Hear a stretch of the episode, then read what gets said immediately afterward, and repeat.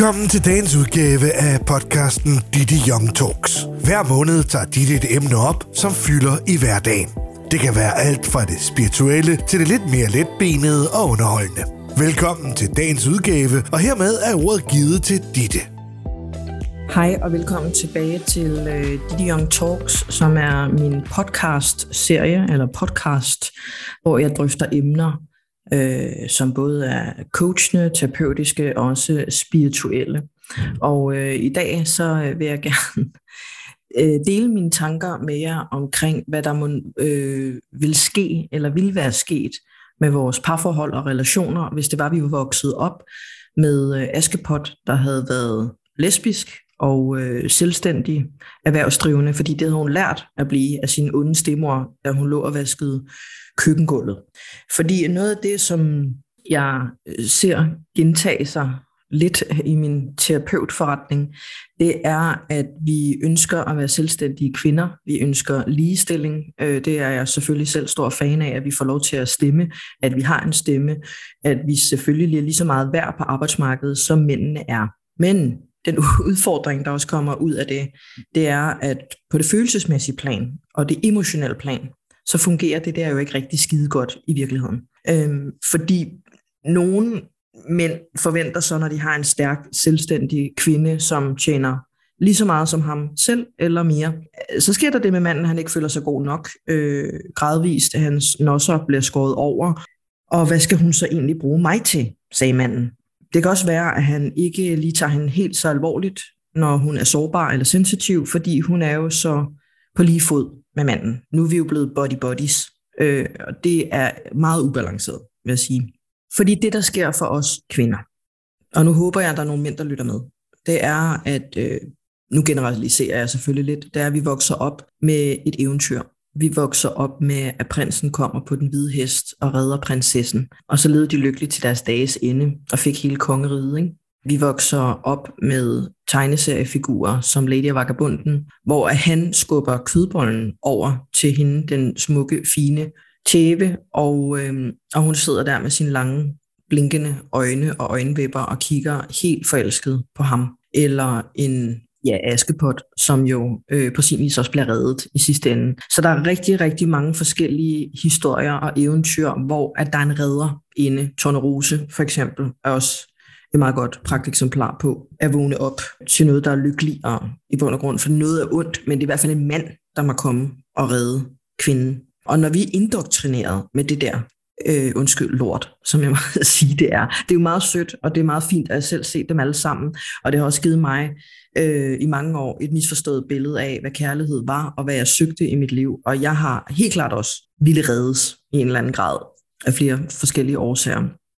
Men når vi vokser op med at kigge på det der, så vil det jo altid være på den måde, at vi også kvæg vores natur øh, og vores instinkt venter på, at der kommer en stor, stærk mand, eller hvis ikke at du er voksen, men er ung og lytter med, at der kommer en eller anden dag en eller anden lækker fyr, og så bliver dit liv meget bedre. Og det er jo i og for sig en bullshit-historie, lige så vel som det er for mændene, der vokser op med det her, at de kun er noget værd, når de har reddet en kvinde. Øh, og derfor ser jeg også som terapeut mange mænd finde sig sådan nogle redderprojekter med kvinder, der er helt fucked up. Og der er ikke rigtig nogen, som standser op og overvejer et øjeblik. Ikke at jeg siger, at det her det er Walt Disneys skyld på nogen måde, men der er ikke særlig mange, jeg kender, der, der standser op og kigger på den mekanisme, der egentlig foregår i et parforhold. Vi kan tage kvinderne, så kan vi jo tage mændene, hvis vi skal køre øh, gentleman style og ligestillingsstilen øh, også, og så må mændene lige vige et øjeblik. De kvinder, jeg kender og i berøring med, både privat og i mit arbejde, de fleste af dem er meget selvstændige. De ønsker at blive set på arbejdspladsen og få anerkendelse for det. De vil også gerne lave de perfekte boller og være formænd i alle mulige bestyrelser og øh, for eksempel skolebestyrelser og alt muligt andet, og går også i det rigtige tøj, øhm, kører måske den rigtige bil, og tager så godt ud udad til. Så går de fuldstændig ned med stress, øh, når de har kørt det der i en årrække, fordi de har også to børn, der også skal ligne nogen, der ser rigtig pæne og poleret ud, og opfører sig ordentligt, ikke mindst også når de er ude. Og når tingene bliver svære for mange af de her kvinder, og at de er knæ eller de er presset, så er det der, hvor at de ligesom lægger ansvaret over på manden om, at nu må han jo hjælpe. Og vi taler ikke om at hjælpe til, som at gå ud med skraldeposen, men at hjælpe på et følelsesmæssigt plan. Og det vil sige, at hun ønsker omsorg, og hun ønsker nærvær, hun ønsker anerkendelse. Og jeg kender nok mænd til at vide, at det er tre ord, de fleste mænd går op i deres hjerne, hører, hvad der bliver sagt, men de forstår egentlig ikke helt, hvad det er. Omsorg, jamen, jeg giver dig omsorg. Altså, jeg giver dig en krammer. Nærvær, hvad snakker du om? Jeg kommer jo hjem efter arbejde og sidder og spiser aftensmad med dig. Og, og anerkendelse, jeg fortæller dig jo ret tit, at du er en god mor. Det bliver bare aldrig godt nok. Aldrig godt nok til en kvinde. Fordi omsorg, drenge, gutter derude, skal jeg fortælle jer, omsorg er, når man føler, at der er en, der redder en. Når man føler, at man kan kaste sig tilbage og ved, at man bliver grebet. Der er en, der griber mig når jeg læner mig tilbage og falder. Jeg er så presset, jeg er så hårdt ramt, øh, så du skal gribe mig, og det betyder, at du skal rumme mig. Så når jeg er ked af det, så hold om mig og sig, at jeg er okay, og du elsker mig. Når jeg spasser ud og laver et øh, drama stunt af rang, øh, fordi jeg er stresset, jamen så kræver jeg faktisk også, at du rummer mig og giver mig en krammer. Og det, det, det er jo sådan lidt en ansvarsfralægger som kvinde, fordi at der er jo ikke mange mænd, der vil klappe en hund, der bider. Det er jo heller ikke af kvinder. Så omsorg, det er jo at blive puttet, altså man kan putte sig ind til en. Jeg hører så mange kvinder, der beskriver det der med, at han giver mig et bjørnekram, eller jeg kan forsvinde ind i hans favn. Altså det der med at, at blive holdet, holdt om. Øh, og nu er der faktisk noget, der hedder holding-terapi af en årsag. Det er at blive rummet og holdt om, så man kan blive lille for et kort øjeblik, selvom at, at de her kvinder også er nogle stærke, selvstændige kvinder i skolen eller på arbejdsmarkedet. Og det med nærvær, det er, øh, det er jo ikke, at øh, en fysisk krop står på den samme matrikel. Det er jo ikke at være nærværende. Det er at være til stede, eller fysisk tilstedeværelse. Øh, det er ikke engang at være til stede. Nærvær, det er at være lyttende og høre, hvad det er, kvinden siger, din kvinde siger til dig, og spille bold sammen med hende, og drøfte ting sammen som et team og som et par have opmærksomhed på, hvad der bliver sagt. Og, og jeg tror ikke, der er mange mænd, der har en chance, fordi hvis kvinden først er kørt ud af sådan en tangent, og han øh, et øjeblik kommer til at tale om noget andet, eller svare i øst, så hører han ikke efter, ergo han ikke nærværende. Så man skal mig, sidde skoleret og spidse ører for at være nærværende, når man har med en presset kvinde at gøre.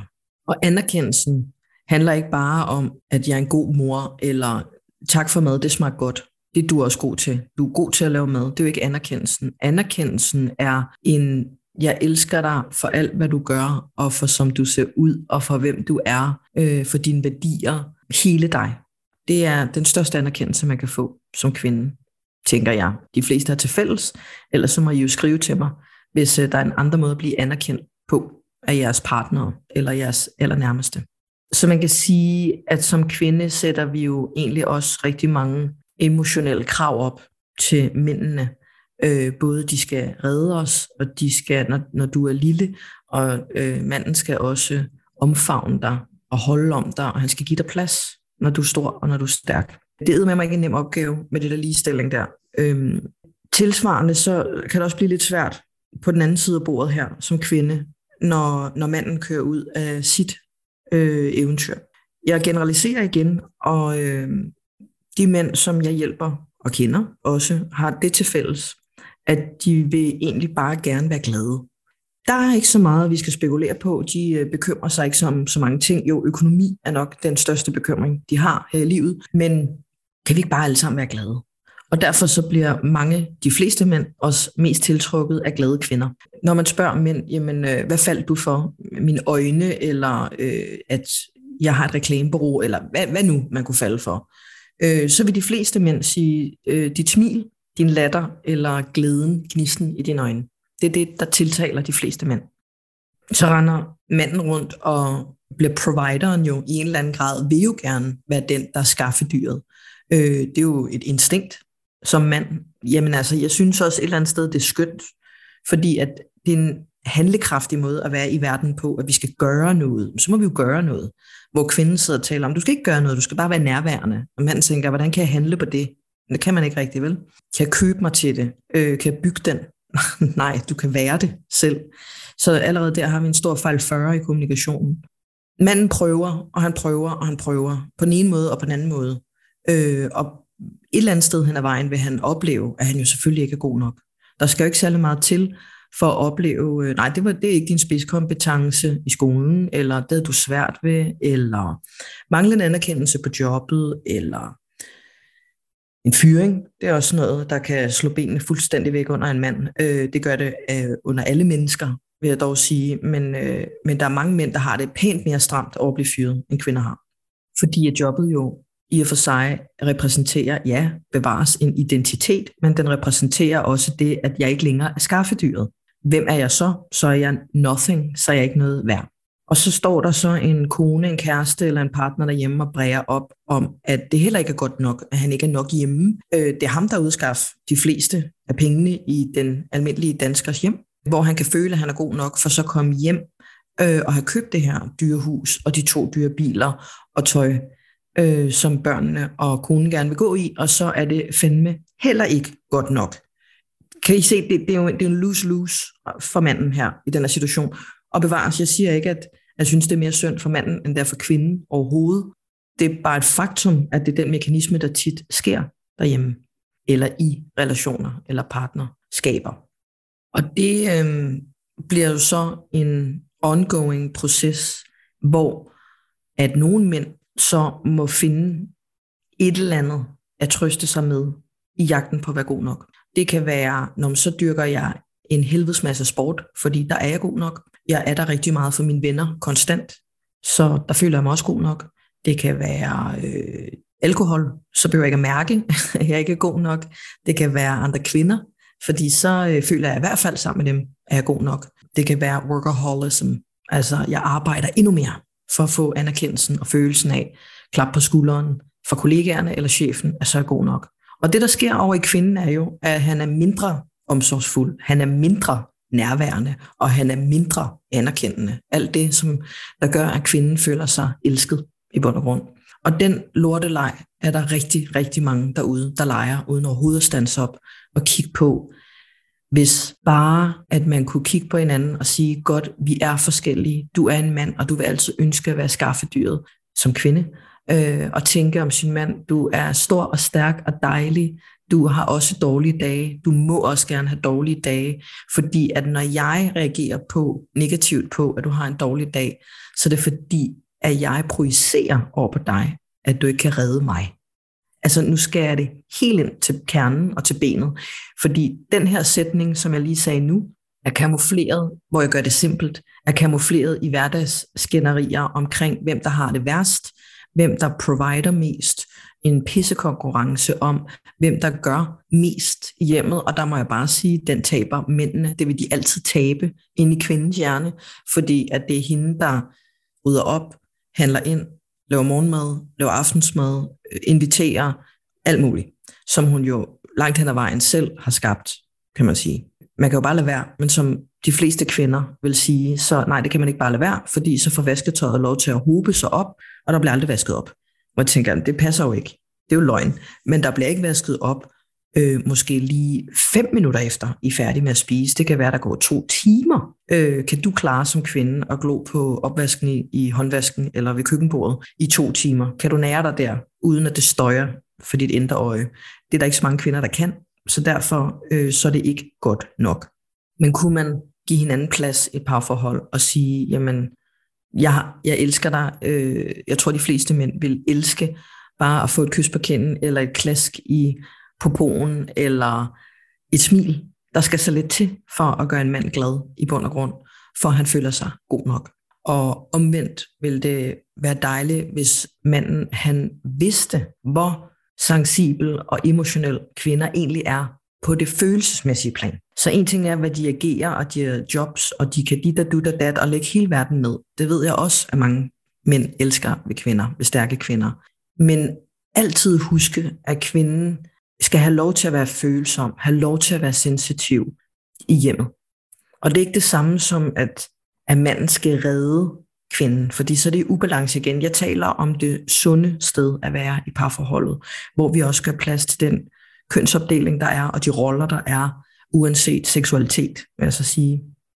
Der er nogle mænd, som misforstår det her med at blive redderen, og heller ikke ifølge mig standser op og kigger på, hvad det egentlig er, de selv er gang i, når det er, de redder en kvinde. Og når man øh, i bund og grund, det må jeg sige groft sat på spidsen, og de fleste mænd vil sige, det passer ikke. For når jeg spørger mænd, om de har et lavt selvværd, så siger 99,9 procent, nej, det har jeg ikke. Nej, det har jeg ikke. Jeg har et rigtig godt selvværd. Jeg hviler ret godt i mig selv, og jeg er glad for den, jeg er. Og jeg sidder altid med mine terapeutbriller på og griner lidt og tænker, mm, men alt det der, du beskriver, alt det, der kommer ud af munden på dig, når jeg hører dig tale, det er en lang jagt på anerkendelse. Ergo kan du ikke have et skide højt selvværd. Nogle mænd, som så finder redder projekterne, de tænker ikke over, at de bliver tiltrukket af kvinder, som for eksempel har en psykisk sygdom, eller det kan for eksempel være, at jamen, hun var så smilende og glad, og, øh, og jeg følte mig som sådan en stor mand, som kunne passe på hende. Og så fire måneder senere finder han ud af, at hun har spiseforstyrrelser, eller har lider angst, eller kutter sig selv, det er der også nogen, der gør, eller er jaloux. Det er også en klassiker med kvinder, der er usikre. Og så begynder manden at gøre alt, hvad han kan for at gøre kvinden tilfreds, hvilket jeg jo et eller andet sted synes er fuldstændig fantastisk. Problemet er bare, at langt hen ad vejen, der mister de her mænd sig selv i jagten på at gøre kvinden tilfreds. Og hvor er balancen i det? Punkt 1. Manden bør måske stands op og sige, godt, jamen nu har jeg fundet kvinde nummer 4 i mit liv, som også har psykiske problemer. Øh, kunne det tænkes, at jeg tiltrækker den her type af kvinder, fordi at jeg føler, jeg er noget, når jeg kan være der for dem. Ergo er du redderen. Og kvinden bliver dybt afhængig af, at manden skal være der, så hun suger alt kraft og saft ud af ham, indtil han er en øh, rynkerosin i jagten på, at han skal redde hende, for hun får det godt, for at hendes sorg bliver helet op igen. Og det er jo dømt til at gå galt. Det parforhold er det, man kalder et misbrugsforhold. En misbruger og en medmisbruger. Og de fleste kender kun til afhængighed og misbrug, når vi taler om euforiserende stoffer eller alkohol. Men man er lige så følelsesmæssigt afhængig eller misbruger, som man er af stoffer, fordi det vi jagter derude, når vi drikker alkohol eller i for store mængder selvfølgelig, eller tager stoffer, eller ryger has, eller jagter det andet køn i anerkendelsen. Det er en følelse, en glad følelse, enten af, ah, jeg, jeg kan ikke mærke min smerte, eller ah, nu dulmer jeg min smerte, øh, men vi vil ikke mærke smerten i hvert fald. Så det bruger vi også vores partnere til, at når jeg kan lægge mig tryg ind i din favn, så mærker jeg ikke min angst for ikke at være god nok, eller være alene, eller være angst osv. Og det er på sin vis så smukt, hvad det er, vi kan hjælpe hinanden med. For der er en grund til, at du og jeg bliver tiltrukket af dem, vi nu engang bliver tiltrukket af her i livet. Men det smukkeste sted at være, det er jo at kunne kigge på et andet menneske og vide, jeg har aldrig nogensinde i sinde at lave dig om. Jeg accepterer fuldt ud, at jeg ved som mand, at det er det her, du går efter. Du går efter bare at være god nok og være glad og gøre mig glad. Fordi så er dit liv bare simpelthen så skønt og dejligt. Og at manden ved, at kvinden egentlig bare gerne inderst inden vil høres, passes på. Øhm, det samme som manden vil føle, at her er der trygt, her kan jeg få lov til at være mig. Øhm, også når kvinden har en rigtig uheldig måde at vise det på, for vi kan svinge meget. Og så kan vi kalde det hormoner, eller PMS, eller en dårlig dag, eller pres, om alle mulige undskyldninger, som er ekstremt dårlige undskyldninger, i stedet for bare at indrømme, øh, jeg er ked af det, fordi at jeg ikke føler mig god nok. Jeg er ked af det, fordi at du kritiserede mig, og så føler jeg ikke, at jeg er pæn, eller men, hvad det nu kan være. Bare sig det. Åben munden og sig, hvad det er, der gør dig ked af det, så manden han ikke skal sidde og regne den ud, fordi at han vil jo skyde fuldstændig øh, forbi her. Han kan ikke læse dine tanker, og det tror jeg, der er mange mænd, der vil klappe i hænderne, hvis I lytter med, når jeg siger, at øh, det er der altså mange af os kvinder, der har fattet i dag, at I ikke er tankelæsere. Øh, og selv, selv for mit eget personlige vedkommende, øh, så er, kan, er jeg jo tankelæser og telepaterer jo. Men jeg har aldrig i sinde i mit privatliv eller i mit kærlighedsliv at bruge den kraft eller evne, jeg har. Der vil jeg bare have lov til at være mig, Ditte, som privatperson. Men jeg håber i hvert fald, at det kunne være en inspiration til jer derude, der lytter med. Øh, jeg håber et eller andet sted, at øh, Disney eller Marvel eller hvem det er, der skal ud og finde opfinde fremtidens tegnefilm, øh, at de har fokus på, at der ikke er nogen, der skal redde hinanden, men vi skal elske hinanden lige som vi er, i stedet for. Jeg synes, der tegner sig et billede af det, men øh, det måtte gerne øh, gå lidt stærkere. Jeg er spændt på, hvad du synes om øh, mine tanker. Du må endelig gå ind og kommentere, når den ligger i det gamle iTunes. Der må du også gerne bedømme min øh, podcast, og så kan du kommentere der, hvad du synes om den. Jeg glæder mig til, at du lytter med næste gang, og til, at jeg har noget klogt at fortælle dig. Hej. Tak fordi du lyttede med til dagens udgave af Didi Young Talks. Du kan lytte til mange flere af Dittes podcasts ved at besøge hendes hjemmeside dittejong.dk. Du kan også høre med på det sted, hvor du plejer at lytte til podcast. Skulle du have spørgsmål, kommentarer eller idéer til emner til et podcast, er du velkommen til at skrive til Ditte på info Tak for i dag.